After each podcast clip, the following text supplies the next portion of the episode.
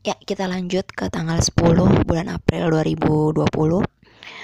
Hari ke-15, hari Jumat, itu hari di mana ibu ujian Ujian tahsin tahfiz untuk naik level. Uh, Alhamdulillah bisa dilewati dengan bahagia.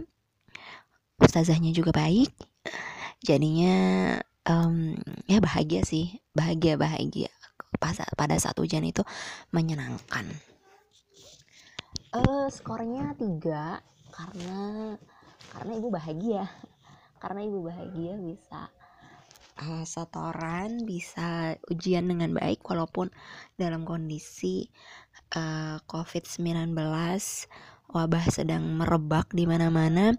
Jadi kita ujiannya baik pun usahanya baik uh, bisa ngertiin kita dan uh, apa ya nggak nggak strict gitu kita tidak memandang ustazahnya jadi nggak terlalu deg-degan gitu sih uh, interaksi sama Al-Qurannya hari itu cukup baik karena memang masih dalam rangka habis ujian jadi jiwa-jiwa uh, ujiannya itu luar biasa Oke, itu aja yang bisa diceritakan. Terima kasih semuanya. Assalamualaikum.